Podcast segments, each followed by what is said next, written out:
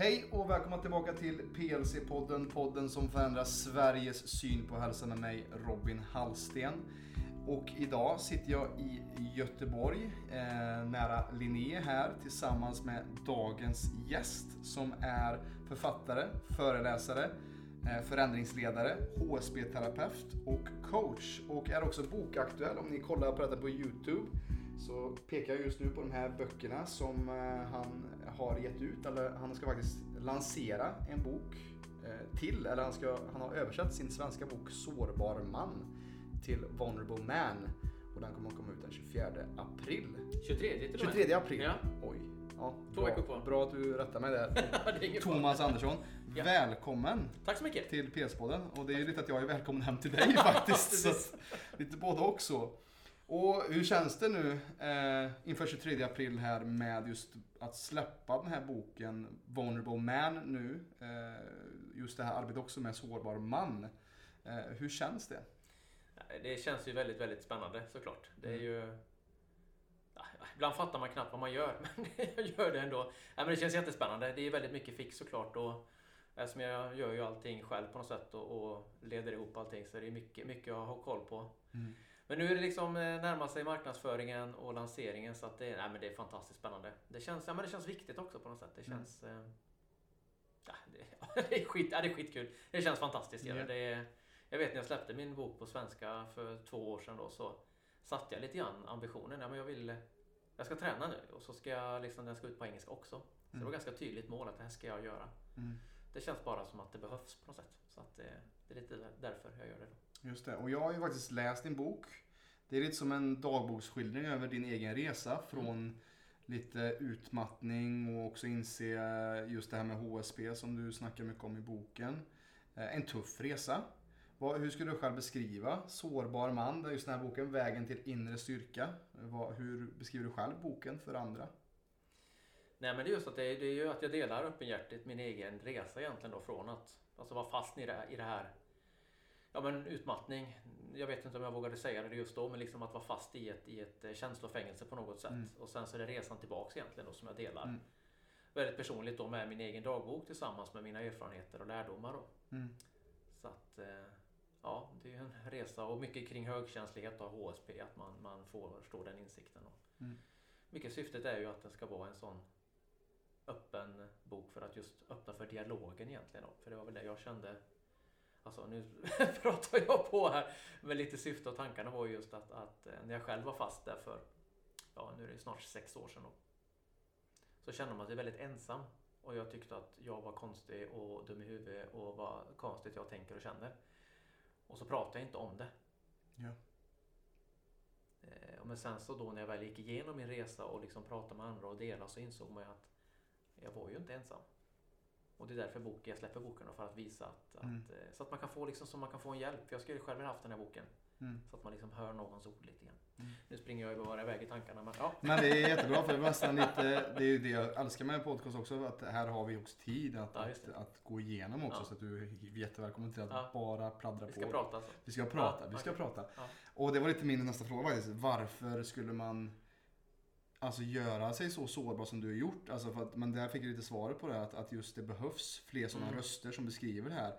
För att det, det är ju ett stort steg. Alltså dela med sig av det som du har gjort, din dagbok Mm. och också alltså att du hade också självmordstankar och väldigt mycket mörker. Mm. Eh, och vad, vad känner du inför det, att, att du har det så öppet för andra att se? Nej, alltså det var ju en sån sak som var jätteläskig. För två år sedan. Liksom, du vet, när jag släppte den så var det ju liksom, man tänkte vad kommer mina vänner att tycka? Och vet, väldigt öppen med, med för, pratar mycket om föräldrarna och, och, och allt sådär. Så det var ju väldigt så Alltså ena sidan när det var ju att släppa en bok. Det var också första gången jag släppte en bok så var det väldigt oj, vad, innebär det här? Och, och bara det i sig. Och samtidigt så var den väldigt öppen så det var väldigt dubbelt. eh, Så det var det nästan att jag vart boken, att det vart väldigt personligt också vad man tyckte om det. För det Mm. vart väldigt mycket jag. Men samtidigt så när jag väl skrev den så kändes det bara väldigt, väldigt viktigt. Eh, för för jag hade gått med tankarna ett tag. Jag gick pilgrimsleden då. Det var 2017. Och då det var det på något sätt, jag hade gått igenom min egen resa då och väldigt så liksom insåg det att det hade hänt väldigt mycket i min resa. Och, och liksom hade öppnat upp och börjat prata och så tänkte jag, jag är alltid den som tänker att ja, men jag är nog sist att komma på saker. och sen när jag gick på den där pilgrimsleden så, så pratade man mycket så insåg jag att ja, men jag är ju, då var det just med män då, att, att jag har ju ändå kommit ganska långt i min dialog och våga och prata liksom. Och då såg jag att jag kunde, jag delar liksom min egen resa väldigt Mm. öppet, så här som jag gör nu. Mm. Och så märkte jag att det, det hjälpte flera. Bara att jag berättade att vad jag hade gått igenom så såg jag att det, liksom, det hjälpte andra och, och så tänkte jag, men det kanske finns någonting där. Så visste jag att jag har skrivit dagbok i, i 20 år liksom. Så vart det föddes det en idé där. Kanske kan dela detta för jag upplevde ju själv när man hör andra berätta, det är då det är lättare att dela själv. För jag kände mig så, jag kände mig så fel. Ja. Alltså här får man inte tänka. Så här ska man, jag tänker fel liksom. Och sen man inser att ja, men du kan ju inte tänka eller känna fel. Utan det är ju det du känner eller tänker. Mm.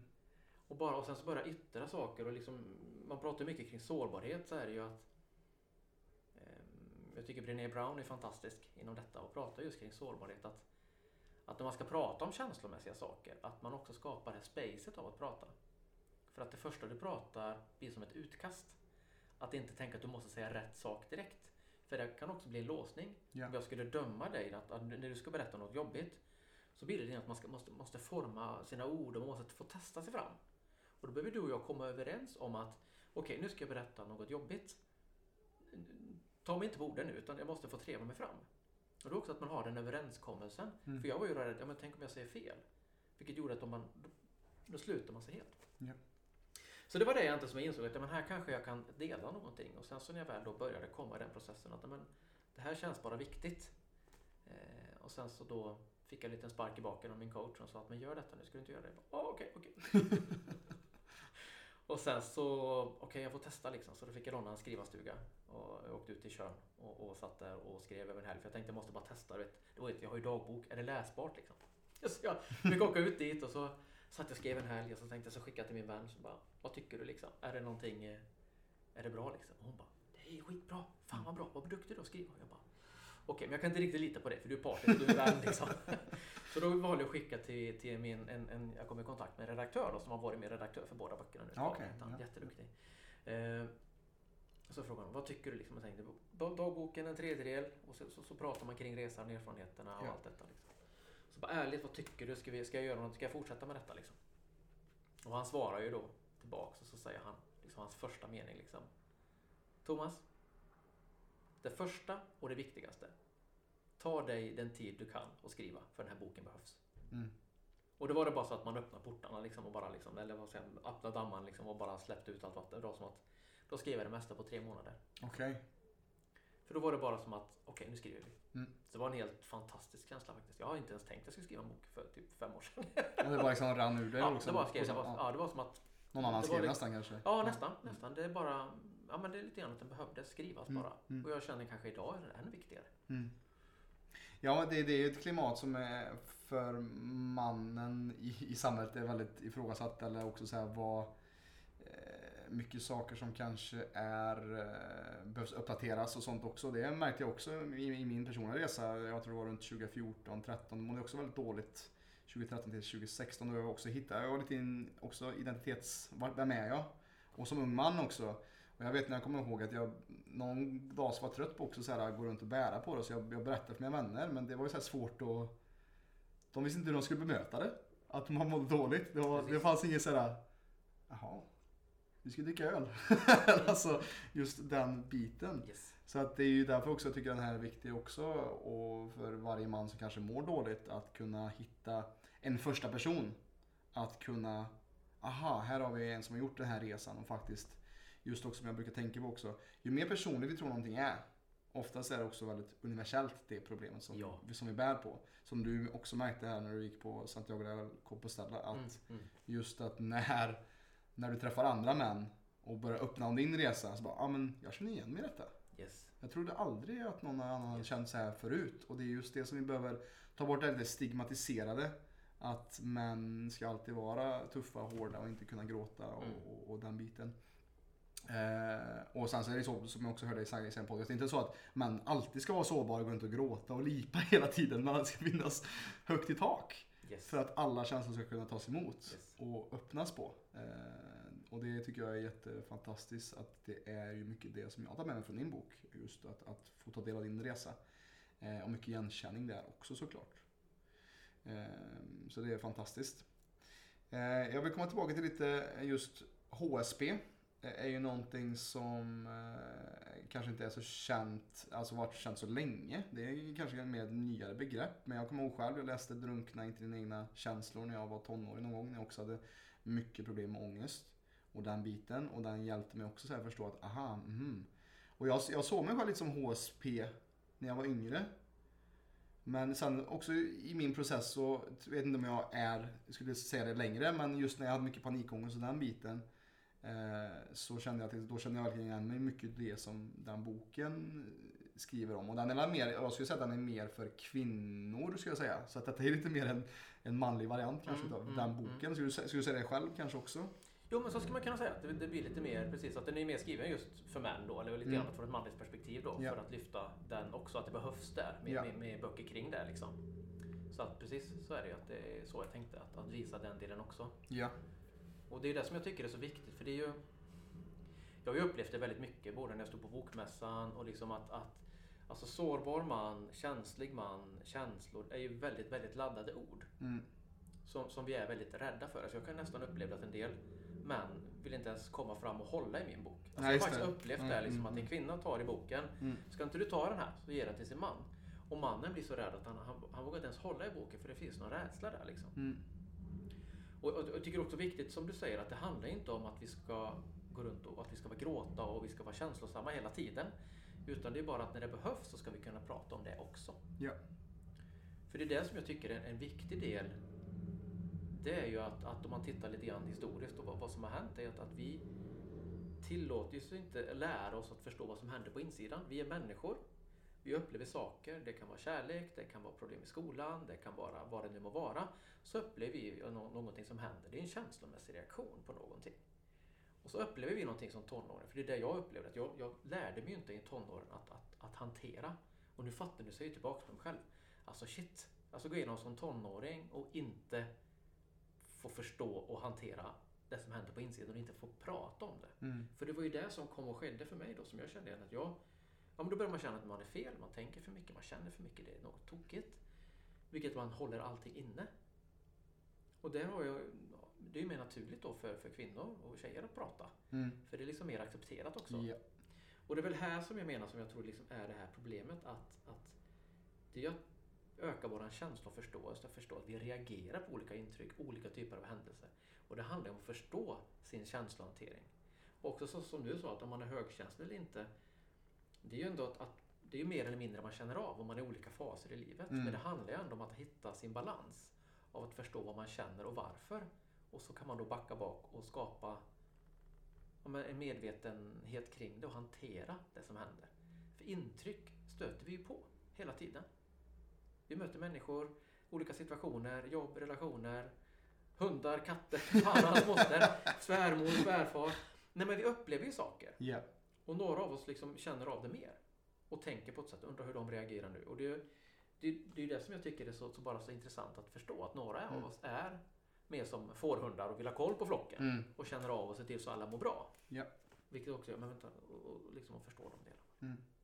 Ja men det är det, att självkännedom och inte känna att, att det är fel på en. Att man kanske kan förstå liksom det finns så många olika system, alltså Myers-Briggs och jag är ju, jag till exempel är väldigt in, in, vet det, eh, intresserad av astrologi och ja. har pluggat astrologi och numerologi mm. och sådana saker som är kanske mer esoteriska men Eh, och sen finns det human design. Det finns hur många olika sätt att placera folk i fack. Mm.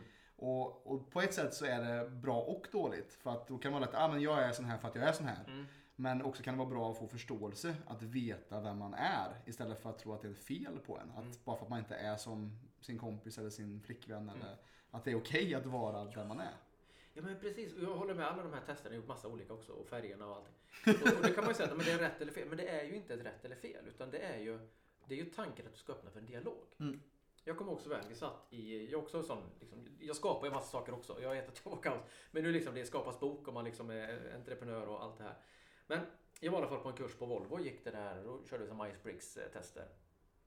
Och då vart vi uppdelade liksom i fyra grupper och så vi satt vi liksom typ, då vart vi fyra i varje bord då. Bara så liksom vi som har liknande personligheter. Mm. Eh, och så hamnar vi extroverta, liksom sociala som du vet, går och snackar med alla och kingsar och hejar och Ja. doan liksom. Eh, och så kommer jag ihåg så otroligt tydligt för då var det också en del eh, folk från IT som var med och så satt de vid ett bord. Och så ser jag då när vi liksom pratar det här med social, att vara social och gå in i grupper. Jag, jag är oftast den som liksom ser till att man mår alla bra i gruppen. Vet jag, jag tar ofta initiativet och öppnar dialogen när det är lite pinsamt. För jag tycker inte om när det är en pinsam grupp eller liksom att ingen vågar prata utan då vill jag, då tar jag första steget. Det är liksom min, det är så jag gör. Och sen när dialogen är igång då backar jag oftast tillbaks. Då har jag liksom, men nu är det igång liksom, nu har jag startat och jag är liksom den som Ja, ja, skitsamma, nu bubblar jag iväg. Men då vet jag, då satt jag där och så, så var det så tydligt. Då var det en grupp med mer introverta. Och då ser jag en kille som berättar. Så han, han bara, jag tycker det jobbigaste jag vet är att börja prata i nya grupper. Och jag ser liksom, även då när han berättar, för, alltså man ser ju liksom hur han lider av det, liksom, hur, jobbigt det verkligen är att prata inför grupper. Och det här är ganska många år sedan nu, men för mig var det så tydligt att bara se att ja men shit vad vi är olika. Mm. Vad vi prioriterar olika saker. Och så var den andra gruppen som var mer då, ja, man kallar den gröna gruppen då, eller vad man ska ta den färgen och liksom, som är liksom viktigt med det sociala, kaffe, liksom, möten, hela den delen liksom. Men, men precis, vi är ju alla olika och alla vi behövs. Mm. För med IT-killarna som, som, som där, i alla fall den gruppen var ju de här experterna liksom. Som verkligen löste och liksom kan grotta sig ner och lösa de här databaserna, de här algoritmerna. Medan en annan liksom är ju liksom, men det här är ju bara detaljer, det kan vi ju lösa sen. Ja, Liksom. ja. Men vi är ju människor. Vi Mm. är en social grupp. Vi är gjorda för att samarbeta och ska vara duktiga på olika saker. Så att det är ju inte konstigt att vi är oli- olika. Nej. En del ska känna av mer, en del ska känna av mindre. Precis. Precis, och så är det. Och, och jag tänker om vi kommer tillbaka till just HSP också då. När insåg du att du var mer HSP-hållet, alltså som du identifierar dig som också? Och eh, för någon som inte vet vad det riktigt är, det begreppet, vad skulle du säga är typ så här, fem vanliga faktorer? Eller som man kan, om, om du lyssnar på det här, är jag HSP kanske? Man Ja. kanske funderar på Ja, det. men precis. Det är ju att, att det, det står ju för, man, man kan säga att man har en, en högre, jag tror man, en förkortning är sensorisk, sensorisk bearbetningssensitiv. Sensiti, sensitivitet. Sensitivitet. Sensitivitet. Mm. Det är att man tar in helt enkelt, jag- tycker det finns en beskrivning som heter DOES, alltså DAS på engelska. Mm. Och det står D för alltså att man har djupare bearbetning, att du tar in mer information. Du är mer uppmärksam på saker som händer i rummet. Och, och, och, och liksom känner av mer signaler. Så du liksom känner in mer helt enkelt. Eh, nu ska jag blanda ihop det här. Är just det. O ja, jo, det är O just det. O står för overstimulated då, att du Mm. kan bli överstimulerad. Att det helt enkelt att du bearbetar för mycket data. Att, att det var ju det jag upplevde att jag tänker inte alla på det här sättet. Att man tänker att men nu sitter du och jag här, hur kommer det här bli sen med intervjun, hur kommer det kom- komma sen? Att man tänker en massa olika steg och man liksom, för man ska egentligen, man ska vara förberedd. Man ska tänka på olika typer av alternativ. Ja. Och då kan det bli för mycket. Och att du känner, "Ja, men jag pallar inte mer. Liksom, att det blir för du bara stänger av. Men det blir för mycket ljud, det är för mycket intryck, för mycket diskussion eller någonting. Och E då står för att eh, mer empati. Att du har det här, alltså just du känner av de här eh, empatiska delarna. Och S då står för det subtila, att du märker av de här eh, sakerna bakom dem. Och, och det var väl just det som jag upplevde ibland att men, känner inte alla av att den här personen mår inte bra? När man sitter i ett fikarum till exempel. Ser inte alla att den personen inte mår bra? Medan jag då går och frågar. Mm. Ehm, och att jag kanske ibland kände i att jag, man satt i fikagrupper och större grupper och när jag var i den här utmattningsfasen då kan man säga också bara att, att um, jag tänkte väldigt mycket på vad jag säger. Vad kommer alla andra tänka? Det var inte bara att jag sa någonting utan får jag ta plats? Uh, vad kommer andra tycka om det jag säger? Alltså jag tänkte i väldigt många steg. Det var inte bara enkelt för mig att säga någonting som då kanske andra gör, att de bara slänger ut sig någonting. Utan det var väldigt mycket liksom omtänksamhet och kring att vad vad kommer andra tänka nu och sådär. Mm. Så det var det som jag liksom kände av då att men, ha, men här är det någonting. Att jag också man känner av mer hur andra mår. Man kan liksom gå upp och mer i, i, i humör på något sätt. Liksom, Mm. som, var, som inte jag fattar då. Att man då tar in andras eh, känslor och reaktioner. Då. Och energier kanske också. Ja, energi. Ja, Mm, precis. mm. Det är ju det som... som alltså det är som sagt om, om, någon går bredvid och slår i foten i, i en sten. ja, men då får du också ont. Mm. Och det är ju spegelneuroner som vi liksom, vi ska ju känna igen varandra. För det är ju en empatisk förmåga. Så Mm. vi ska känna in att ja, men här är någonting fel. Nu ska vi hjälpas åt. Mm. För det är ju ändå, vi har ju i grunden så ska vi leva i flock på ungefär 150 personer och vi har gjort det i 199 000 år. så är det att vi ska ju få gruppen att fungera liksom. Mm. Och några ska inte tänka på det. Utan de ska skydda oss mot fara. Eh, några ska fokusera på att, lösa saker och några ska se till att bevaka att inte flocken blir attackerad. Mm. Precis, och vi har alla olika roller och det är därför det finns olika, eh, olika människor på människopaletten kanske Ja, man men säga. precis, precis. Ja, men det är, alltså- det är så det det, det är så naturligt. Så det Mm. är, eh, bara för att vi nu ska skolas in i en, i en, i en fyrkantig box och vi, vi ska liksom leverera enligt någon sån industriell modell så är det ju inte så det är. Liksom. Nej, Och det är väl det som jag tror vi tappar mycket då. Att vi Mm. glömmer någonstans att vi är människor och kännande varelser liksom, och vi är så uppstressade. Kanske därför det är så mycket, mycket Ja. problem med det idag. I och med att du säger att vi lever i en industriell era där, där, där alla ska in i samma Det fack. kan vi gå in och, på. och alla ska in eh, på fabriken och jobba ja, ja. 7 till 4 liksom. ja, men vi står ju verkligen i en väldigt, väldigt, om jag får hoppa in i bara en liten Ja, tanke. Ja, absolut. vi står ju i en väldigt, väldigt konstig situation just nu. Mm. Och det är just att vi har egentligen tre, tre utmaningar. Ena sidan är det ju med, med, med rörelse. Mm. För vi, vi, vi ska ju, vi är ju lata om naturen, så vi ska Mm. ju vila för att Mm. vi ska kunna jaga eller Mm. vi ska Mm. kunna fly. Vi ska, vi, vi, naturligt så vill du vila. Mat ska vi äta Mm. för att du vet inte om du får mat igen.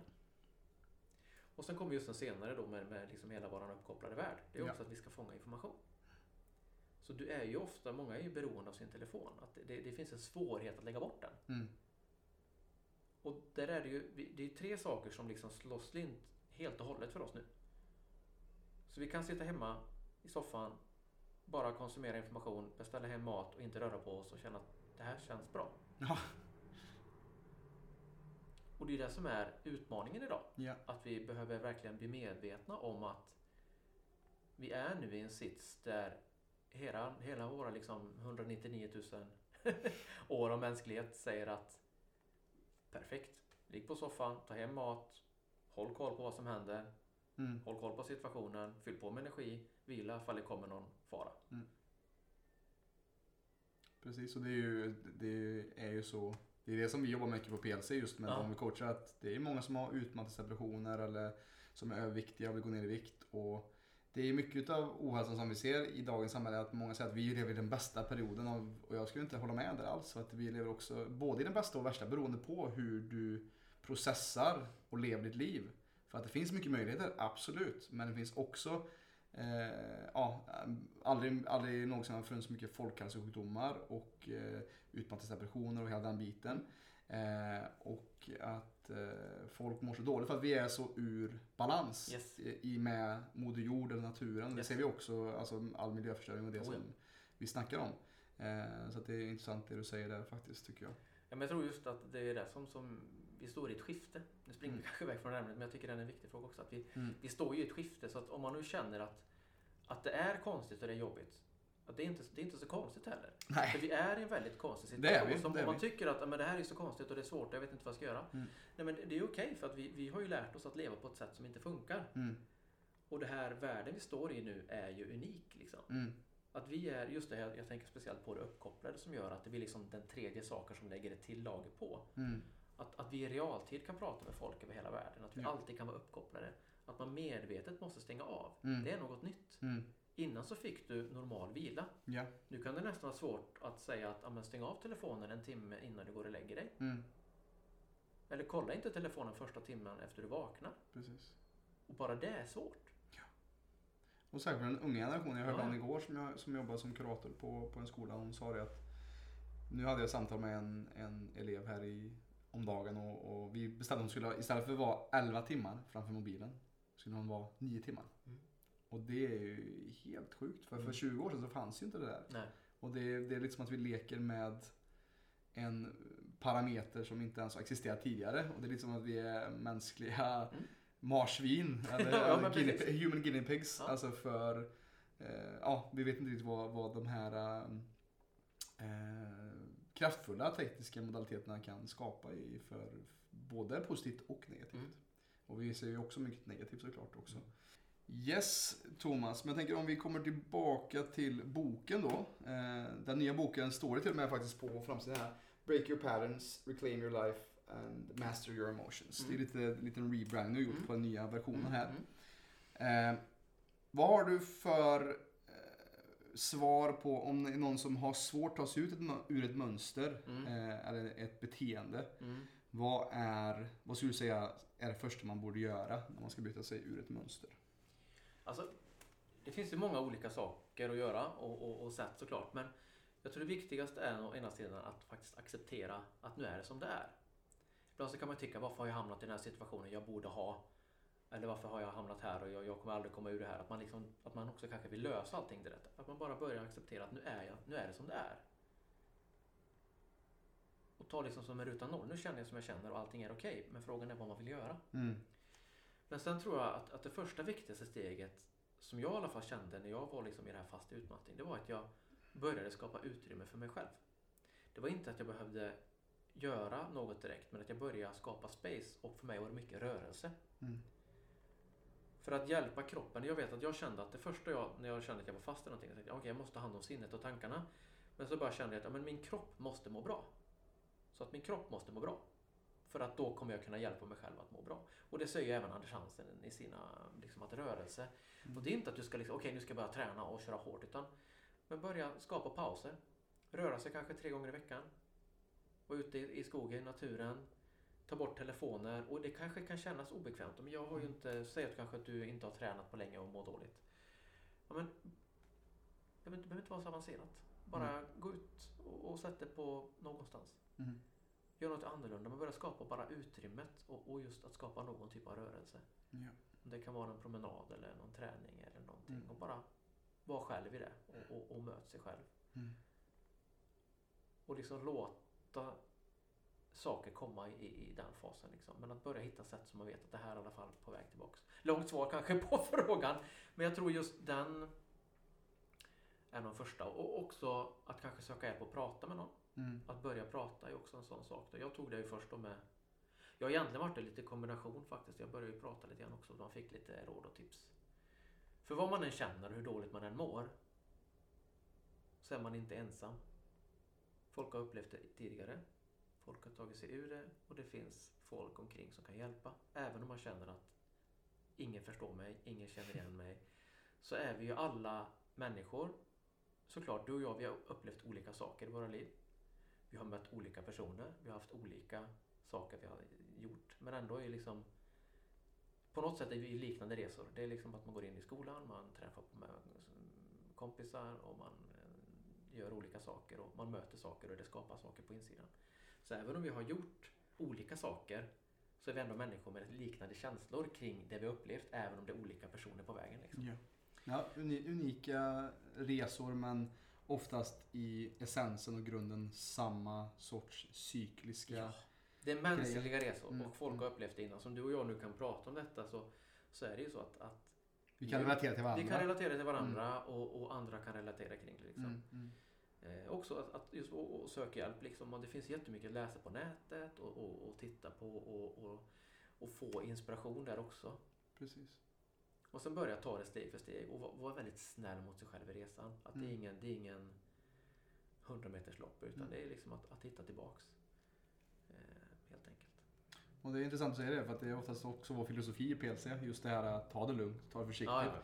Och vi hade precis ett avsnitt eh, tidigare eh, för några veckor sedan eh, som heter just Work In. Mm. Mycket snackar vi om work out i dagens Mm, samhälle men inte ja. work in. Alltså just det här som du säger. Ta en promenad eller en promenad. Man behöver inte träna jättehårt men komma igång lite. Ja, ja, precis. Eh, och som vi också var inne på med skärmar och det. Att vad har, blivit, vad har försvunnit de sista åren? Tystnad. Ja. Och kontemplation, Yes. reflektion och stanna upp och lyssna. Och många fastnar i görandet istället Yes. för varandet. Så det är också någonting som vi också delar, Mm. just intresse för yoga. Mm. Eh, Just jag har hållit på med yoga i alla dess former i tio år. Och eh, det är ju någonting som du också nämner mycket i, i din bok. Mm. Hur det är, har varit en väldigt viktig Mm. grej för dig också. Att du har varit på retreats också Mm. för högsensitiva. Mm. Och att det har gett dig många svar. Kan du berätta lite om, om, om det kanske? Vad yoga har gett dig och Mm. kanske vad... Alltså ett retreat är ju typiskt såhär retreat. Mm, Alltså mm, mm. Det, det blir ju till och med reträtt. Rätt, tillbaka. eh, så vad, kan du berätta lite kring det kanske? Jo, alltså jag kommer ihåg första gången jag gick yoga. Jag tänkte vad är det för jävla skit? ja men vad fan, vet man är van att, van att gymma och bodypump och liksom gå på gymmet eller springa och sådär. Mm. Så tänkte jag yoga. Vad tusan är det liksom? Jag var, jag gick på de första passen. Bara, man blir inte ens trött liksom. Vad är detta liksom? Men så vet jag just att vi var på ett retreat då. Det var säkert 7-8 år sedan. Då hakade hakar på och, och, och då fattar jag. Mm. Och då var det just den här avslappningen. För det är kanske det som att vi, vi är så vana att göra saker och liksom vi, vi, det ska gå fort. Men det som handlar med yogan är just att du får stanna upp. Att du andas. Den här spänningen som att du kanske är spänd. Den släpper. Du kommer ner i ett lugn. Det som var bråttom innan är inte lika bråttom. Så det är just det på något sätt, ungefär som att du går och spända muskler hela tiden och är spänd. Och sen slappnar du av. Du blir liksom mjuk på något sätt. Liksom. Och det är det som du egentligen hjälper kroppen. Och det är därför så också yogan ibland kan vara obekväm också. Att även om du Ja. stretchar. För att det är det som är också att, du, att andningen där är viktig. Att ja men nu ska jag sträcka ut. Nej, håll andan! Och så håller du andan liksom. Men då hjälper det ju inte utan du andas igenom det. Just det. Och, och liksom komma i det lugnet. För det är ju, då säger du till kroppen egentligen, det du egentligen säger till kroppen är att det är okej att vila. Slappna av.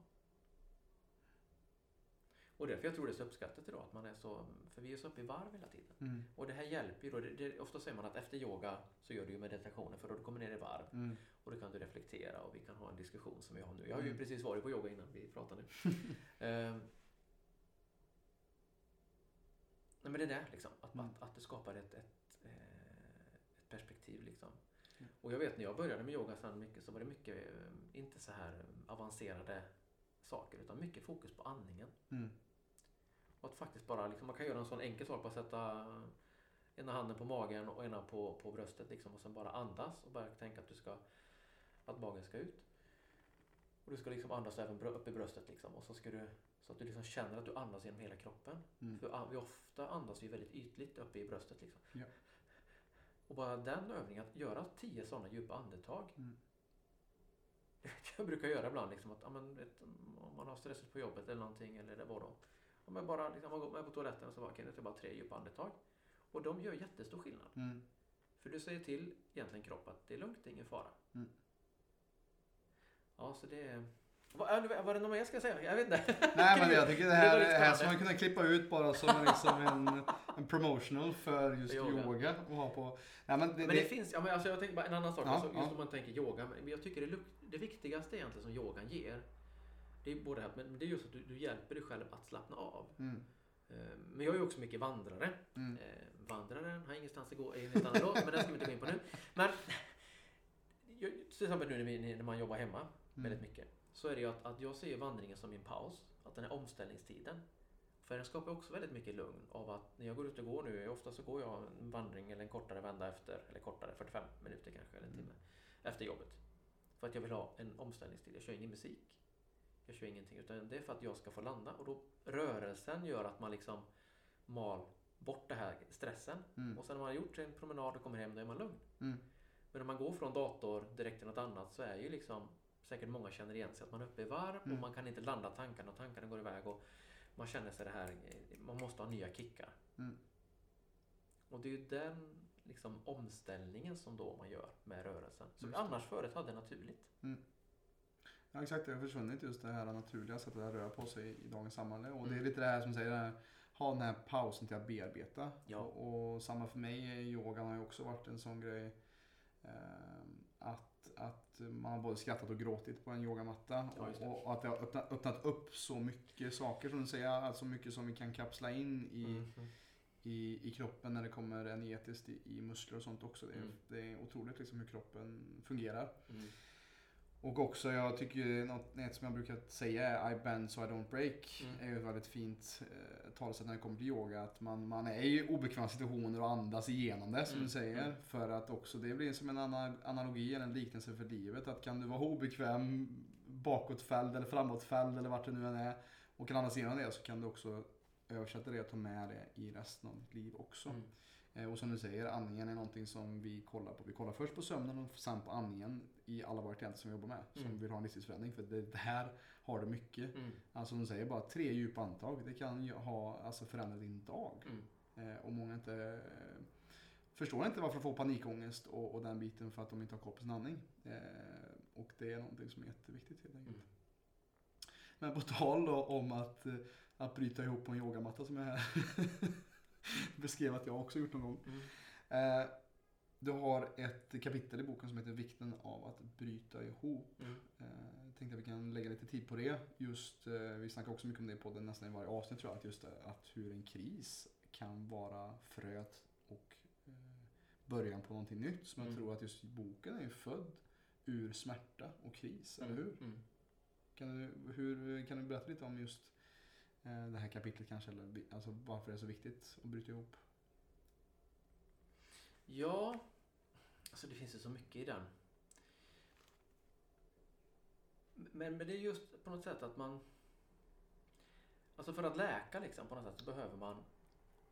Alltså man kan säga bli mjuk. Nej men alltså det måste ju... Du må, måste släppa sina murar och prata om det, det viktiga liksom på något sätt. Att, att verkligen vara ärlig med sig själv på något sätt. För ja men det är bra, det är bra, det är bra. Men det är ju inte bra. Mm. Och, och, och våga då faktiskt säga och känna som det är. För om du liksom stegvis då börjar prata, ah, men det, jag, jag tycker det är lite jobbigt nu, ja, men jag har faktiskt tänkt på att ta mitt liv. Även om man kanske inte skulle göra så. Att, man ändå, ja, men jag, att, att bara säga det är ju jättejobbigt. Mm. Ja men jag, fan, det, det, nu, jag har mycket ångest och det här och så här. Att, att, det, det, att, man, att man börjar, för det är där på något sätt att man, för varje gång man säger någonting så är det ju på något sätt, men då, då öppnar man, då, då vågar man säga nästa grej och så kommer nästa grej. Och till slut kommer man till kärnan till varför man egentligen mår dåligt. Mm. Och det är då liksom på något sätt man kan äntligen tillåta sig, men det är det här man kan bryta ihop över på något Mm. sätt. Mm.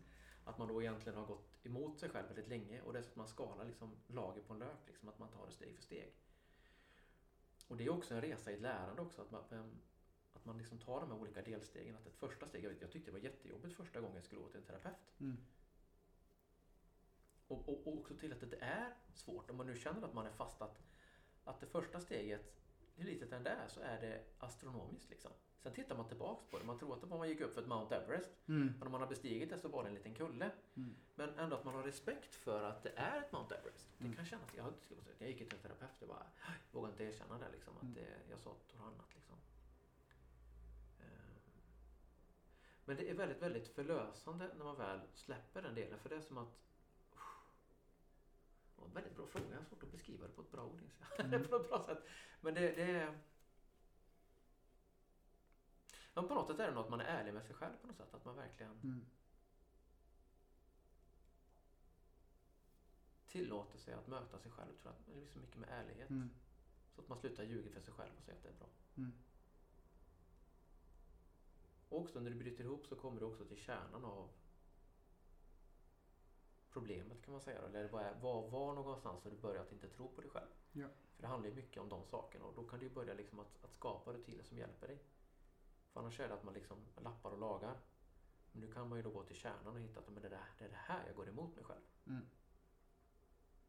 Ja, jag tänker mycket på just eh, när du har någon som är arg. Ja, Så ser jag oftast inte en arg person. Jag ser en, en, ett litet ledset barn ja som inte fått kärlek. Mm. Alltså någon som är väldigt konstant Mm, arg. Inte ja. just det kanske arg i stunden men som du, du kanske har någon kompis eller en, en familjemedlem som alltid är arg Mm. på något sätt. Mm.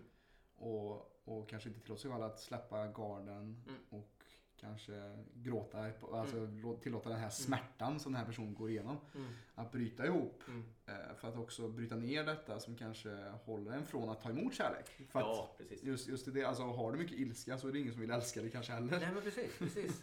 Nej, men för, för, för det är insett, därför jag också på engelska boken säger som liksom första är bryta mönster men nästa steg är master your emotions. Mm. Och det är precis, man brukar säga om någon är arg hela tiden, men det är som en marktäckare, att det är något annat egentligen som ligger Just det. bakom. Ja. Och det är det på något sätt som, som händer, att, att du lär dig att förstå dina känsloreaktioner. För någonstans där bakom så ligger det någonting som du inte har vågat prata om. Så var det ju för mig då, att jag hade inte, vågade inte prata om vissa saker, så jag lärde mig inte att förstå mig själv. Mm. Vilket gjorde att om jag måste göra så här, så jag, typ, jag tyckte att en del av mig inte var okej. Och då anpassade jag mig. Så hela tiden var det som att jag var som en, jag spände mig hela tiden för att anpassa mig. Och det är jäkligt jobbigt. Och det är jäkligt jobbigt att hela tiden spela en Mm. roll. Ja. Och det där var ju det då, jag hade ju jobbet och det var liksom familjen och det var allting. Så jag fick aldrig vila. Mm. Och det är ju det som jag fattar, jaha, det är för att jag går emot mig själv hela tiden. Mm. Jaha, okej. Ja, det hade jag inte fattat liksom. Nej. Men det förstod jag ju sen då att ja, det är det jag gör. Mm. För då skapar det en trygghet i att ja, men jag behöver ju ta hand om mig. Och då förstå att det här är mina reaktioner, så här tänker jag, så här känner jag. För att jag ska må bra så behöver jag göra det här. Mm. Det är på något sätt att börja bygga upp det då som man kanske inte har byggt upp under då Precis. tonårstiden. Då. Ja. Och det är som du säger att man kanske har haft självförsvarsmekanismer Ah, ja. som har haft en plats i ens liv under en viss tid. Yes. Men att man i vuxen tid kanske då har eh, man hållit kvar i dem Yes. omedvetet, Yes. eh, undermedvetet och de stör då Ja. för ens vuxen, vuxna liv. Och Yes. lite som, som jag brukar, som jag också hört kring just varför folk ofta vill ta självmord. Det är inte för att de själva kanske vill dö, men de, de vill, det är tid för en ny identitet. Att komma, att, alltså att Fågel Fenix ska komma och resa sig lite ur askan utav vem man tror att man är. Att man är trött på den man är. Mm. Mm. Eh, Men att det inte att ta livet av det som är lösningen utan att ändra på vem man tror att man faktiskt är. Att man är ja, mogen kanske att gå in i en ny identitet. Mm. Mm. Eh, vilket är en intressant filosofisk twist på det just. Mm. Att det är oftast det att man kanske vill ta död på den karaktären som man tror att man spelar. Mm. Eller som man måste spela. Eh, och att man kan känna sig fångad under det som du säger. Just att man känner sig fångad. Eller att man går i en boja. Mm. Eh, och det tynger ner en så Mm. mycket. Som Mm. du säger, att, att gå runt och vara någon som man egentligen inte är. Nej. Det är inte konstigt att folk, att man blir deprimerad eller att man får en utmattning på, Ja, på köpet för att du går, jobbar hela tiden mot livet när Yes. livet bara vill kanske ge dig saker. Yes. Men du är inte mottaglig att ta emot. Precis. Nej men alltså det är, det är så... Ja men det, det, är- det, är så, det är så spännande. Den, alltså spännande. Jo, men jag tycker, jo, men det är en väldigt spännande, spännande och annorlunda tid vi är i. Eh, jag brukar ta ett exempel att, att om vi nu backar lite grann i tiden så var vi ju i mycket mindre grupper. Och vi hade inte lika mycket intryck. Så den roll vi fick, om man går ännu längre tillbaka, så Mm. hade ju faktiskt den rollen vi fick i våran flock var ju den vi skulle ha för att överleva. Mm. Så på något sätt så om man, om man tar den basala delen i, i våran anpassning. Det är ju faktiskt att men, den här personen är farlig. Det här gör den här och så här ska man göra för att passa in i gruppen. Så då har du anpassat dig för att passa in i flocken. Mm. För att överleva. Och gör du något som sticker ut, ja, då finns det ju risk att du blir utesluten eller ihjälslagen eller någonting. Så grupp, alltså flockmentaliteten finns ju med där någonstans. Mm. Men idag så rör vi oss ju på ett annat sätt. Mm. Så kanske den vi har med oss tidigt, den rollen kanske inte funkar längre. Och sen så stöter vi på massa andra grupper och olika intryck. Och, och, och, och på något sätt så blir det ju att, att vi fastnar ju någonstans där. I att, att vi har en roll och så är vi med andra folk och, och så känner vi av dem och så känner vi av dem och så ska man passa in och så ska man hitta. Så det, det är ju också väldigt, väldigt konstigt vi lever nu, speciellt också med, med det uppkopplade liksom Ja, ja, ja. och jämföra oss med varandra. För det är ju en väldigt, väldigt intressant aspekt. Mm. Det tycker jag också. Jag tror Anders Hansen som också beskrev det. Att, eller i alla fall han. Mm. Att vi förstår ju inte att de människor som vi ser på... Alltså varför, varför är skvaller intressant? Mm. Jo men det är för att vi tror att vi känner dem. Ja. Och skvaller är viktigt för att vi ska ha koll på är det fara för gruppen? Är det fara för stammen? Är det något sånt här? Det är det som är det viktiga. Mm. Och då är därför är skvaller intressant, för att man ska hålla koll på sin, sin flock. Mm. Men vi är ju faktiskt då ganska dumma då som människor. att vi fattar inte att den här amerikanska skådisen, det skvallret är intressant. Att, att det är just för att ja, men vi ska ha koll på dem, för Mm. att vi kan lita på dem. Så liksom istället för att vara på den här stammen på eller 150 personer som vi oftast umgåtts med under största delen av människans historia. Mm. Så är vi nu med så mycket olika intryck. Det Ja. har ju liksom exploderat. Och jämförelse och, och men okej, men inte jag är bäst i världen. Ja, det är ingen idé. Förut kanske du var bästa smeden. Mm. Bäst i socken. Ja, men precis. Men nu blir det liksom jämförelsen blir så annorlunda liksom. Ja. I, i, Ja. för det blir också en jämförelse. Så att, så att det är därför jag tror det är så otroligt viktigt att vi vill backa bak och förstå att vi är, om man känner att det är en jäkligt jobbig tid och det känns Mm. utmanande. Ja, vi står inför en väldigt, väldigt tokig förändring. Mm. Som är helt unik, tycker jag i alla fall, i, i människans historia. Visst, det är klart det alltid kommer nya uppfinningar och så här. Men just det här uppkopplade som har kommit nu Mm. gör att det slår slint helt och hållet. Ja. Och, och förstå det och säga att okej, tusan också, det är lite konstiga tider. Mm. Okej, men då behöver vi väl lära om lite grann då. Mm. Att, att acceptera, ja just det, det, vi har lärt oss, det funkar inte, vi behöver lära om. Ja. Vi behöver medvetet stänga av. Vi behöver medvetet agera för att träna. Mm. Vi behöver medvetet agera för att äta det vi mår bra av. Ja. För vi lurar oss själva om vi liksom bara går på känslan. Yes. Så det är väl egentligen det viktigaste tror jag för framtiden. Mm. Alltså, det är ju att vara medveten. Mycket mer agera medvetet Mm. för att må bra.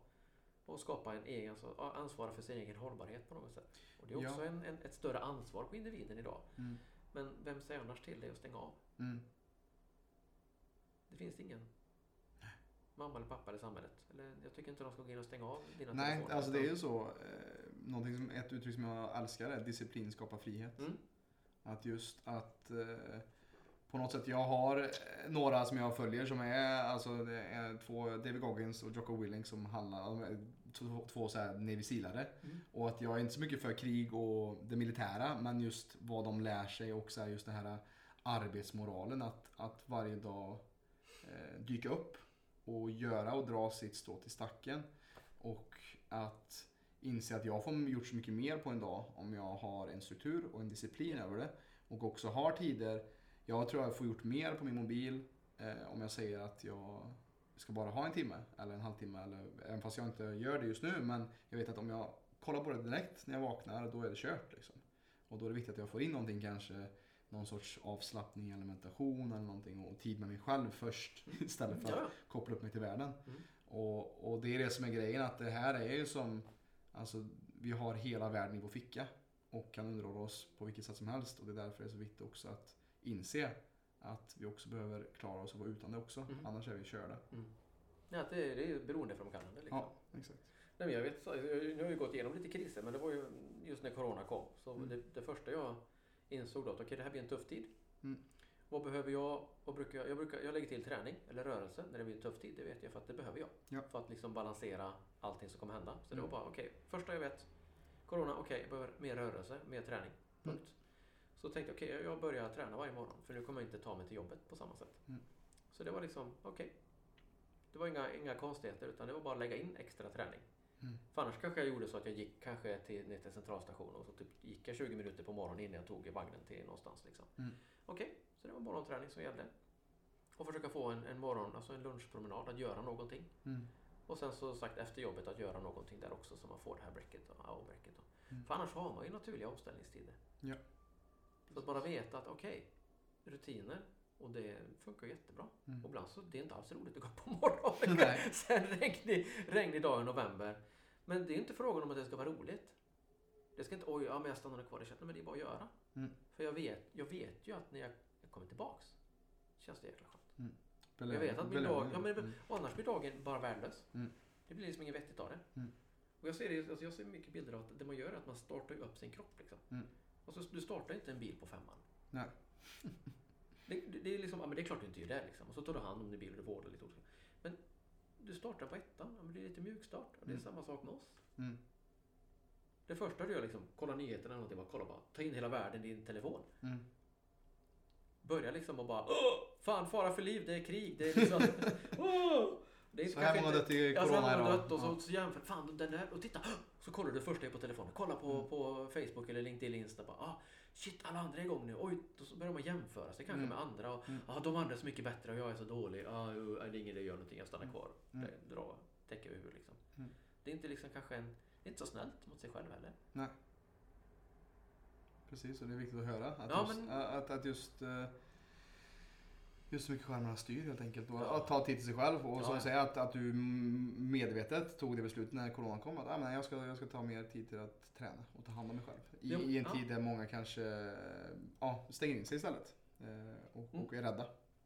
Men det vet jag, för när jag gick igenom min separation så var det liksom, det var ju väldigt så. Nej, men det, jag bara visste att det jag behöver göra, det är rörelse jag behöver. För att det, alltså när jag gick pilgrimsleden så träffade jag så mycket härliga människor. Men det var en, en kvinna där som, hon använde uttrycket att eh, genom att vandra så smälter man snön i kroppen. Okej. Mm. Mm. Och just att, att, att bara att om man har sorg då som jag hade såklart efter en separation. Så var det ju liksom att bara tillåta det att smälta av. Mm. Att, att promenaden var i naturen, det är inte att man behöver lösa någonting men bara den här rörelsen gör att det, att det blir liksom mindre jobbigt. Mm. Och sen så, ja men sen, sen är det klart så är det klart liksom. Men Mm. att, att skapa utrymme för att hela sig själv liksom och Ja. återhämta sig själv. Och då blir det så naturligt för mig att det är att hjälpa kroppen Mm. med rörelse. Och liksom, man kan nästan säga som en pepparkorn ibland. Liksom, man mal sönder det svarta, liksom, man mal sönder det jobbiga. Liksom, pepparkornen. Liksom. Och det behöver göras. Och det är bara att göra det. Liksom, det, det tar ju den tid det tar. Mm. Ja, det är intressant att du kom in på det för jag har skrivit ner just Santiago Ja. de Compostela. Just eh, att, eh, att vara ensam med sig själv på den resan också. Mm. För du gjorde den resan själv. Mm. Ehm, och du har redan beskrivit eh, några saker här hur, hur eh, det här tycker jag är jättefint det här med att snön som smälter i kroppen när man går. Det är ett jättefint sätt att se på det. Hur mycket har det påverkat dig eh, under den här resans gång med att, att ha den här tiden med dig själv på sådana här vandringar? Ja, det, ja, alltså det är helt magiskt. Får man Mm. säga. Mm. Eh, Ja, men alltså den där, alltså det, pilgrimsleden är ju helt fantastisk. Mm. Liksom. Eh, Men just att man får tiden att, att stanna upp och vara med sig själv. Liksom. För då går man ju ja, men 25, 20-25 kilometer per dag kanske. Mm. Och såklart du träffar andra medvandrare. Men du, du går ju en 5-6 timmar per dag. Mm. Och, men då, då, man, ena sidan får man höra andra. Man träffar på folk som berättar sina livshistorier. Lite grann vi pratar om det här med att dela och lyssna på andra. Mm. Så det är ju magiskt. Men sen också får man mycket till med sig själv och, och möta tankarna. Liksom. Att, att jag är ganska lugn att vara med mig själv. Men jag tror just att, att annars var jag så van att sysselsätta mig med saker. Att man skulle hela tiden liksom agera och göra saker på något sätt. Att det fanns ett görande, det fanns en stress inom mig. I att, jag upptäckte det till och med när jag gick leden. Liksom, att ja, men, nu passar vi, gå, passar vi på att gå snabbt så vi kommer till, till nästa bil. Liksom, så vi blir klara för dagen. Mm. Men sen började jag inse, men varför ska jag snabba mig för? Varför ska jag gå fort för att komma till, till nästa by? Är det någon tävling? Nej. Varje dag är ju en upplevelse och man vet inte vad man träffar folk på vägen. Och det är liksom att få tid att prata och stanna upp. Och, och också mycket, man träffar mycket folk och satt på middagar. Och det, var ju, det var ju det som var resan. Liksom. Och för mig var det så väldigt tydligt, för jag har alltid tror jag, tänkt att ja, men jag ska bara bita ihop. Och sen, där, då ska jag liksom vila. Då ska jag njuta. Ja, då ska jag njuta. Men sen när man kom till nästa krön, eller liksom typ om man tänker i vanliga livet, ja, men då, när man har gjort den här saken, då kommer ju nästa sak. Ja, jag ska bara köra där. Det är ungefär som man säger med sommaren liksom. Ja, men det, är, det, är en, deadline liksom att hinna klart till sommaren. Och samma sak med julen, det är ingen högtid, det är en deadline. Vi ska ju klart saker till sommaren.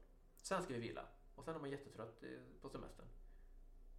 Det, det är liksom något konstigt där liksom. Men så, så, just att stanna upp och sen bara vara lugn i att vara själv. Jag vet andra gången jag gick Pilgrimsleden, det var så jäkla... Då, var jag, då gick jag ändå med själv liksom. Så då kunde jag gå. Bara själv liksom. Och bara vara. Och då på något sätt så ger man ju sig själv utrymme att... Alltså det kommer upp saker, alltså som, som att alltså, saker får liksom... En del saker behöver bara falla på plats liksom. Det, man sår ett frö. En idé och sen så kanske, ja just det, den skulle man göra. Eller man kommer på någonting. Och det, den måste få gro. Och, just när man skapar det här spacet så finns det liksom utrymme för de sakerna att växa på något sätt. Mm. Eh, Lite som att man marinerar sig själv också. Just som, Ja. ja. Ja, men jag vet ju nu som, som... Jag vet inte, det är, väldigt, det, det, det, är något kanske svårt och tangerbart kanske. Men Mm. det, det, är som en... Jag gör ju ofta det nu också om jag känner att jag behöver lite space och att jag har mycket tankar och det är mycket som händer. Men då tar jag en vandring liksom på ett par, fyra, fem timmar. Mm. Och, och det är så skönt att bara vara i lugnet. Men det är också var ju en träningssak att liksom stanna upp i det. Mm. För det var också, man är inte van. Man är så van att, att eh, jag vet innan liksom att Alltså att alltid, man ska alltid vara uppbokad liksom. Men fan jag har ingenting att göra på den kvällen. Då måste man hitta på någonting. Mm. Att man ska vara så uppbokad hela tiden för att det borde man ju vara. Annars är man inte en cool katt. eller Nej. Nej. Så att jag, jag har i alla fall varit en sån person som jag tycker det, jag, jag, jag är ju en sån person tycker jag tycker det är kul att skapa. Så att jag är van att boka upp på mycket saker. Mm. Andra är olika såklart, men jag är det. Och då var det så skönt att få det där spacet. Att men jag mår ju bra av det här.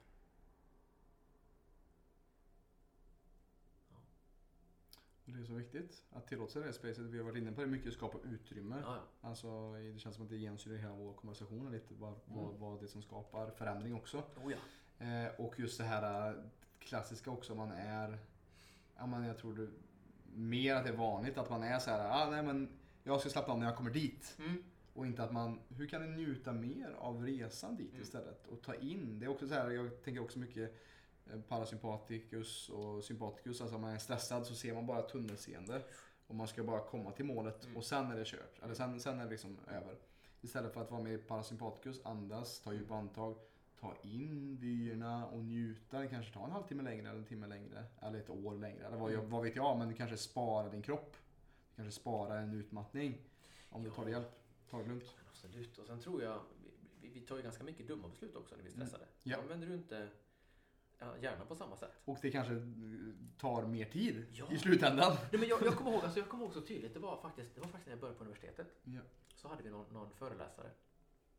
Så sa han det att så sa han, ja, men det var tror jag efter kanske första terminen liksom. Och så sa han så här, ja, men hur många av er liksom brukar, när ni liksom sitter på cykeln hem liksom från, från tentan så då kommer ni på svaren. Och det var en del, ja många sa, ja jo det, ja, då kom man ju på vad man skulle ha skrivit på den tentan liksom. Mm. Ja, så, ja, men det är för att ni under tentan då, om ni då är stressade så, så glömmer ni liksom. Så ni kommer inte ihåg det senaste jag lärt er för ni går in i reptil, alltså ni går bara, ni blir stressade och så glömmer ni. Så ni är liksom inte fokuserade. Så det viktiga är att ta pauser under tentan och andas Mm. och, och för att då kommer ni skapa det bättre. Mm. Det kommer gå bättre. Och jag tog till mig det. Det var jäkligt smart tyckte jag. Så jag gjorde ofta så att jag tog en paus, jag gick på toa fast jag inte behövde. Jag liksom hade alltid, jag stannade upp och kanske liksom lutade mig tillbaka och tog min frukt eller vad jag hade. Mm. För att skapa pauser under tentan. Istället för att jag måste skriva så pennan glöder i fem timmar. Mm. Men då kanske man bara skriver så. Sen så kommer man på det när man sitter på cykeln. Så tänkte jag det är bättre att komma på det under tentan. Så man kan ju tro att man är effektiv då. mm. Men du kanske gör fel. Ja. Du Ja. kanske inte går smart, du kanske går fel väg. Ja. Och det kan man säkert, säkert de som lyssnar kommer på olika exempel. Ja, jo, Mm. men det där kanske man inte skulle gjort för man gjorde någonting i någon stressad situation. Just, Just det. det. Ja. Och det är så mycket det som är det viktiga liksom, i att stanna upp varje dag. Jag kör mycket meditation och sådär. Att, Mm. att stanna upp vad det egentligen man ska prioritera. För annars kan man ju tankarna springa kring samma sak. Man tänker på samma sak om och om igen, om och om Mm. igen, om och om igen, om och igen. För att man är fast i ett spinn liksom. Ja, precis. Hur det kan hjälpa en kreativt att stanna upp. Oh ja. Att, att det kan skapa mer liksom, på något sätt. Mm. Och det är ofta att det är de bästa idéerna här, här kommer ju till oss. Det är Mm. i tystnaden. Att det, man bara, det ploppar ner. Det, Ja, dropp, det droppar ner från... För jag tänker också mycket esoteriskt att, att det, det, alla tankar som vi tänker är inte alltid våra egna. Brukar jag säga. Att det, ibland så är det för att vi behöver lyssna in till högre intelligens. Mm, mm. För att se vad som... Vad, vad, vad vill universum eller Gud att jag ska skapa? Alltså, och är du hela tiden upptagen så klart som fan inte du kan svara på någonting annat. För Ja, att du, du är helt uppstressad Mm. eh, faktiskt.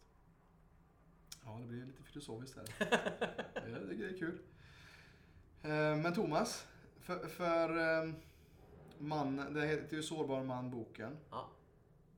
Eh, jag, jag brukar så här fråga ofta så här, om du skulle gå tillbaka 5-6 år då, innan boken var, innan det här hände och allting och, och alla de här realisationerna och sånt hände, vad skulle du sagt till dig själv? Men jag, jag vänder lite på frågan istället. För mannen som mår dåligt just nu, som lyssnar på det här. Vad skulle jag säga till honom? Eller kanske henne också såklart, alltså om det är en kvinna som också mår dåligt. Men det här är ju mer åt, åt män faktiskt. Så att, vad skulle du säga till en, en man som mår dåligt? Först att allt är okej precis som det är just nu. Mm. Vad man än känner, om man kan känna sig misslyckad eller på att någonting är jobbigt så är det det är okej att känna så just nu. Och ena sidan börja prata med någon. Sök hjälp på något sätt om det är en vän och börja ta och, och ett uttryck och prata med någon som du litar på och bara säger att börja hitta några ord och säga att jag behöver prata. Det är någonting som tynger mig. Att ta det steget. Någon som du känner liksom att du kan lita på. Och känner att nej men det är ingen jag litar på. Eller jag har ingen som jag kan våga. Men sök hjälp. Ehm, det finns jättemycket bra hjälp liksom. Och, och samtidigt sök på nätet. Läs. Sök på det du, du liksom känner att du känner av. För det är ju som vi sa att, att vi alla har gått igenom olika saker. Och det finns så mycket historier där ute kring andra som har gått igenom liknande saker. Och sen just säga att nu är det som det är Mm. och tänka vilka steg du kan ta. Och sen också att börja skapa det här spacet och börja skapa med alltså Mm. som sagt träning och rörelse och skapa pauser. Mm. Liksom, tror jag skulle kunna säga att det är det viktigaste att börja med.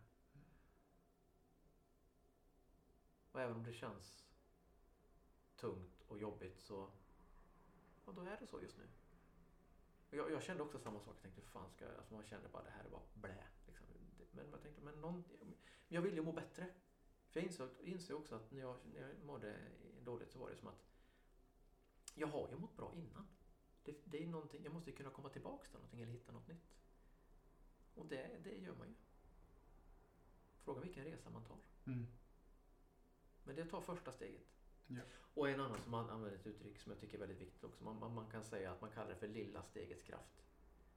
Att ta ett steg i taget. Och vara stolt över varje litet steg. Liksom.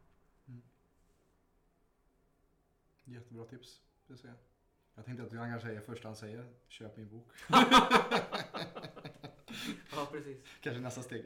Nej, Ja. men det, det, är, det är en bra guidebok för att, för att eh, som jag sa, jag har själv läst den och tycker den är kanon, suverän och eh, eh, någonting som man kan lära sig mycket från. Men, Mm. men eh, jättedjup insikt där tycker jag. Det är mycket som jag får med mig själv också tycker jag. Där. Eh, I din bok också så har du också en boklista längst bak. Mm. Vad, vilken bok skulle du... Vilken är, vilken är din främsta bokrekommendation utav de du har? För det är ju det är ett 20-tal, 30-tal Ja. Alltså det är så svårt. Alltså, Mm. jag, jag, alltså för mig är böcker är... Alltså jag, jag går mycket på känslan liksom. Alltså Mm. att det, det, det, beror på vilken situation du är i. Ja. Så det finns inte någon bok, ja, förutom min bok såklart, den är ju den bästa. Nej men jag, det, det, det finns så mycket bra. Jag tycker allting följer ett flöde. Ja. Ehm, lite grann att lyssna in på den boken man känner för just nu. Mm. Men eh, Det är Så. viktigt ja. ja, men Precis. alltså, jag, det jag menar, sö- sök Mm, på den lyssna frågan som stör. Ja, men Mm. sök på den frågan du söker. Mm, mm, För alla är vi olika och Mm. har olika mm, orsaker till varför vi sitter där vi sitter. Mm, Så sök på det man, man, man är Mm. just nu liksom. Och så finns det eh, många olika saker som kan, kan bidra. För du, vi är inte ensamma i Nej. det som, som, som vi går igenom. precis. Det var en som jag faktiskt som jag kände, som jag följer också, som var med nu på Aktuellt häromdagen och pratade kring ätstörningar till exempel. Mhm. Och det är också en sak att bara att, att prata om att det kan ju vara så otroligt misslyckande, men varför, varför är man så sjuk och varför gör man de gjort de här sakerna? Men, ja, men då har man ju hamnat där av en orsak och det är någonting, men, men det är också att, att släppa skammen kring, kring det. Mm. Att det kan ju finnas en sån sak också, att man skäms över att varför har jag hamnat i den situationen, vad dålig jag är. Nej. Utan du har hamnat där och du är som det är. Mm. Ja, Jag ser alltid att det finns en anledning till att vi har hamnat där vi Ja. hamnar och just att kriser är, ger oss nycklar. Mm. Inte, inte bara oss själva men är vi också öppna för att dela med oss Mm. till andra så kan vi hjälpa andra när Mm. de går igenom samma sak. Mm. Eller också förhindra Mm. för vissa andra att gå ens gå dit. För att de, ja men shit jag vet att om, om jag gör mer sånt här så kanske jag hamnar på avvägar. Mm. Eller alltså, Mm. om man inte tar droger eller någonting. Alltså, det fin- alltså, man vet ju att, att, att saker kan gå åt pipan om, Mm. om du gör vissa saker. Alltså, framgångsrika personer har Ja. ju definitivt andra vanor än Ja. kanske någon som mår dåligt. Ja, precis. Ehm, så är det ju. Men, men också tänka att, att vi backar tillbaka till det som vi sa innan att vi är i en väldigt konstig tid. Ja. Och vi står inför en förändring som vi inte, alltså för hundra år sedan så hade vi ju svält i Sverige liksom. Så det var ju liksom, det var ju jakten på mat, eller liksom, det Mm. var ju en helt annan fråga. Mm. Och sen har vi liksom, senare under tid så var det saker. Alltså det var ju inte länge sedan som det vi inte hade el. Liksom. Nej. Och det var utedass. Så vi har liksom löst olika saker. Rent mat får vi och vi har löst det materiella och nu står vi i ett annat skifte. Så saker sker och nu är det bara att nu har vi kommit till en annan situation. Och vi kanske inte har behövt lära oss det här som vi pratar om, om att hantera känslor. Vi har inte behövt lära oss meditation. För det, det behövde inte tidigare generationer. Så att, att vi har ju inte med oss verktygen än. Så det är därför vi behöver lära om det, för vi har inte Mm. fått med oss de här verktygen. Mm. Så kanske barn nu börjar få mer, man pratar mer kring det här med skärmtid och, och medvetenhet. Och jag tror man har mer liksom avslappning och kanske även yoga i skolan idag. Mm. Mm. Och det är ju precis det som, som, har man inte varit med där, så har vi inte lärt oss. Vi har inte lärt oss att cykla. Och det, är- och det är så det är lite grann så. Ja. Och bara säga att ja just det, vi är ju faktiskt i en väldigt konstig tid. Mm. Alltså, för tio år sedan så hade bara var femte person i Sverige en smartphone. Mm. Tio år sedan bara. Mm. Så var det alltså knappt att folk hade smartphones. Nej. Då är det ju klistrad till ögonen liksom. men, men så, alltså att, att, att bara tänka att vi har inte fått med oss, vi har inte vuxit upp och lärt oss det här. Nej. Och det är det vi behöver lära oss, att stanna upp lite grann. Jaha, just det, jag har faktiskt lärt mig det. Mm. För som, som, som jag pratar med många nu som är lite utmattade och liksom tycker det är en jobbig situation. Så kan man ändå stanna upp att, ja men har du mat på bordet? Troligtvis. Har du tak över huvudet? Troligtvis. Har du jobbet kvar? Eller i alla fall få en sån här permitteringsstöd eller någonting? Ja, men Mm. troligtvis har du jobbet kvar. Och är du skyddad? Ja, du har. Du har ju då kanske det du behöver för att överleva. Mm. Så vad är det då som händer? Mm. Då kommer vi in i det mentala. Som, som inte alls var samma sak som för min farmor och farfar. Nej. Som var bönder. Det var, liksom, det var ju saker att göra hela tiden. De hade fem barn. Liksom. Det Mm. var liksom det laggade om på morgonen och så satte min farfar och så åkte han 45 minuter och så tog han ved sen. Liksom, och tog ut i, i skogen och jobbade hela dagen. Så kom han hem och så var det gå till ladugården igen. Och sen var det liksom, men det var ju sex dagar i veckan liksom. Varje lördag så slutade han ett. Och farmor det var ju liksom laga mat, fem killar. Mm. Liksom. Så du var ju igång hela tiden och gjorde saker, både rörelse och aktivt. Liksom. Även min morfar var i gruvan och sådär. Så då, det var ju ett annat, annat liv. Liksom. Mm. Och som vi sa, liksom, att vi står ju nu, som vi, sitter mycket, vi äter mycket. Mm. Så det är en, en ny tid och då behöver vi ha lite nya verktyg som inte våra mor och farföräldrar behövde på det sättet. För Nej, de, de kunde stanna upp och tänka på samma sätt. Nej, men på samma, som jag, sagt, jag då, jag pratade med min far just nu här eh, om det här med, med liksom att min farfar också satt på, på tog hästen då och så Mm. åkte de ut till, till skogen där på andra sidan sjön liksom, på vintern. Då. Och då satt jag han 45 minuter på, där, på släden liksom, och Mm. åkte bort. Och så var han i skogen. Det var inte något, han var ju själv i skogen Mm. och högg. Det var liksom inga massa intryck. Nej. Utan då, då fick man ju också naturligt den pausen. Ja. Den mentala som vi inte får idag. Ja. Så det kan ju vara sån här test till alla som nu lyssnar. Liksom, att, att eh, se hur beroende du är, du är av din telefon. Mm. Och ett steg kan ju vara att sista timmen innan du ska sova. Inga, inga telefoner. Mm. Inga liksom connections. Kolla inte på TV sista timmen. Nej. Utan kör lite lugn musik, gör någon rörelse, läs, gör något annat. Låta hjärnan få liksom... Mm. Och bara uppmärksamma hur ofta plockar upp telefonen och bara börjar scrolla fast du inte ens är medveten om det. Mm. Hur känns det att stänga av telefonen en dag? Det gjorde vi på de här yogaretriten. Mm. Att du la ifrån dig telefon. De, plock, de samlade in telefonerna. Mm. Ja, men faktiskt först var det bara, då får det, det är ungefär som knarket liksom. Jag Mm. måste ju ha liksom, måste, måste veta vad som händer. Men då sa men skicka ut till dem nära och kära att de får våra nummer så ledarna liksom. Mm. Och sen kan de höra av sig till oss ifall någonting brådskande är. Och första början var det lite jobbigt. Mm. Men sen så var det jätteskönt att slippa tänka på den. Ja. Tänk om någon har hört av sig, lite FOMO liksom. Tänk om Mm. man missar någonting. Mm. Alltså det är helt sjukt egentligen. Mm. Alltså jag, jag tycker det är väldigt roligt att prata så här historiskt. Nu, nu, nu sticker jag iväg, du får stoppa mig. Nej, men liksom- det, det är viktigt för att, för att våra klienter som vi jobbar med, största jag ser, det är sömnbrist Ja, och stress. Ja. Skärmar, vart kommer de in i bilden? Jo, man sitter med skärmarna sent på kvällen, vilket påverkar vår sömn, vår Yes. insomningsförmåga, vår djupsömn. ja Vad händer om vi inte sover åtta timmar? Ja. Vi får mer stress i kroppen. Ja, det är sant. Så, att, så att det du säger, det är spot on för, de som vi, de, för alla som lyssnar och även Ja. våra klienter då såklart också. Nej men då, då fortsätter jag då. Nej men just med det som, som Alltså man kan också prata med svarstider på telefon. Mm. Om du får ett meddelande, skulle du svara direkt? Om du får ett blipp, eh, mail eller vad det nu må vara om den Måste du? Precis. Måste du svara direkt? För det Mm. kommer som en stress. Vad händer ifall du inte svarar? Mm. För här kan ju komma, kicka igång mycket känslomässiga frågor. Mm. Som jag då kanske kände innan, det var ju att jag hade ju en, en svag självkänsla i att, att jag tänkte att men, folk vill inte ha mig för den jag är utan de vill ha mig för det jag gör. Så då var jag rädd för om inte jag svarar på meddelanden Mm. då kanske de blir arga. Eller Mm. det väcker det mycket sådana saker. Ja. Men, men samtidigt om, om, om förut om man skrev brev då, nu låter man som man, nej jag är så gammal är jag inte. Nej men om man pratar och skriver brev liksom, då hade ju en helt annan svarstid. Och förut när du bara hade en telefon hemma, bara en väggtelefon. Och så ringde, ja det var ingen hemma. Det finns ju Men då inte. ringde jag. Nej men så bara, bara att man är uppmärksam på att vi har skapat också en stress av att det är viktigt att svara. Mm. Och jag brukar säga att om, om någon vill skicka ett meddelande till dig och ställa Mm. en fråga så kan jag ju välja när jag vill svara. Sätta, Ja, gräns, just, sätta ja, men gränser. sätta gränser där Mm, lite grann. Att, också att, att se det. Mm. Och bara bli uppmärksam på just det. Och också då kanske ställa sig frågan varför blir jag stressad över att svara? Mm.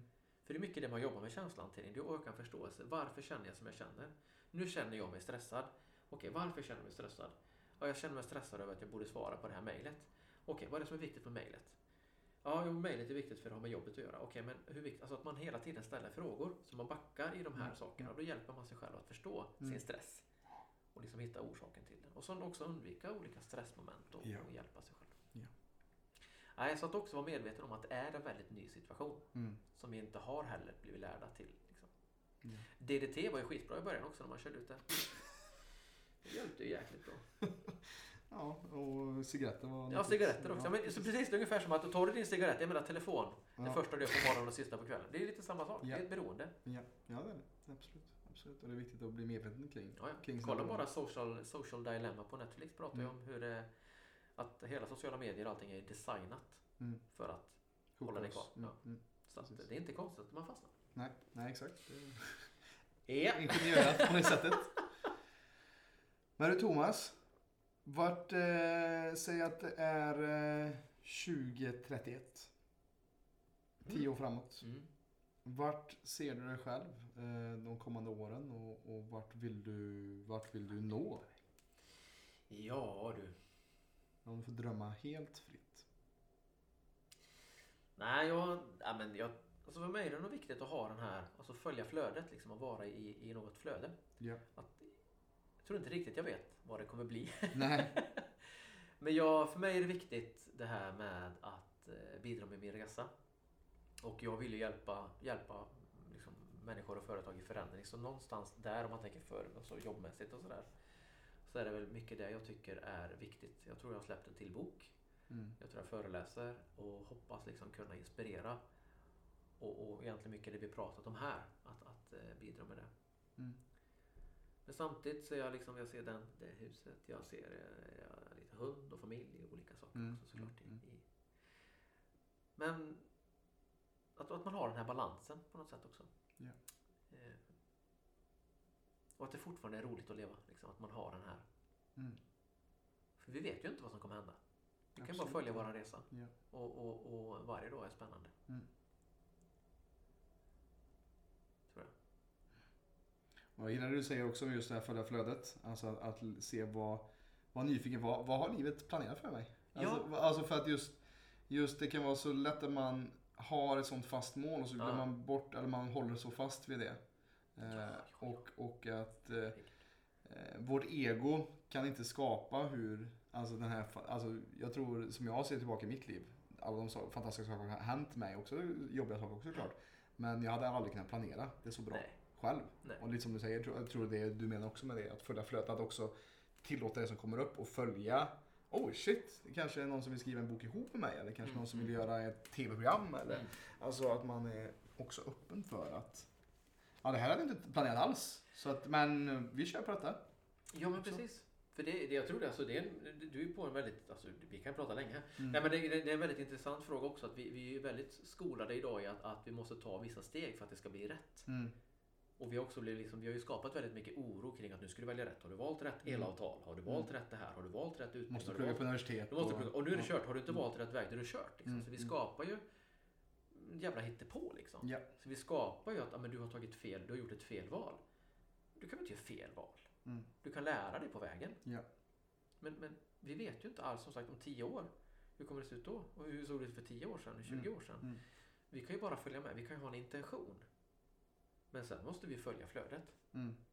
Eh, Det är eh, också en sån viktig sak. Liksom att, att, eh, som jag säger, att mitt, mitt mål, om man säger jobbmässigt då, men jag vill hjälpa människor och företag i förändring för jag ser att det är liksom en sån fråga. Mm. Och det blir ju ganska öppet för att vad som kommer hända kring det vet man ju inte. Nej. Och att man liksom har en mer generell bild av vad man tycker är roligt och följer, följer man glädjen så kommer man ju att skapa det som behövs, det man är duktig på. Mm. Är att man, man tycker om att laga mat, eller tycker man om att snickra, eller tycker man om att skapa med händerna, tycker man om att man väljer en sån riktning till exempel. Då, är, då, då, då blir det mer öppet istället för att säga att när jag är 65 då ska jag bli pensionär och då ska jag ha det här och så ska det se ut och det ska vara 2,5 barn och det ska vara det. Då blir det ganska, ganska fixerat också. Inrutat. Ja, och, och då, för, för vi vet ju inte. Nej. För säg om du sätter den och så kanske du inte kan få barn. Mm. Ja, är livet kört då? Mm. Nej, det, det blir såklart inte vad man har förväntat sig. Men, men då får man ju anpassa sig så vi vet ju Ja. inte flödet. Liksom. Precis. får se helt enkelt. Ja, vi får se. Och livet är ett mysterium. Vi Fortsätter, får, it continues to unfold. Continuous, continuous improvement. Yes. Jag har nog bara en sista fråga här Thomas. Ehm, vad är det helst som du vill, ja vi har redan varit inne på det såklart också, men om det är en mening som du skulle vilja kondensera ditt, ditt budskap i, vad är det helst du vill nå ut med till människor? Oj, kärnfullt. Sista viktiga Mm. meningen. Oj, det är nu det händer. Mm. Nu kommer svaret på alla frågor. Klimaxen. Eh, nej men det är nog att våga stanna upp lite grann. Mm. Och våga möta sig själv. Ja. Och våga lära sig på nytt. Mm.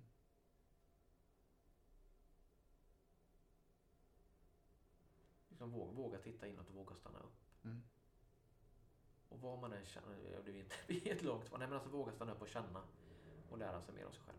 Mm. Självkännedom. Hitta, hitta sin väg liksom. Det är nog det viktigaste. Fantastiskt. Bra tips för alla som lyssnar.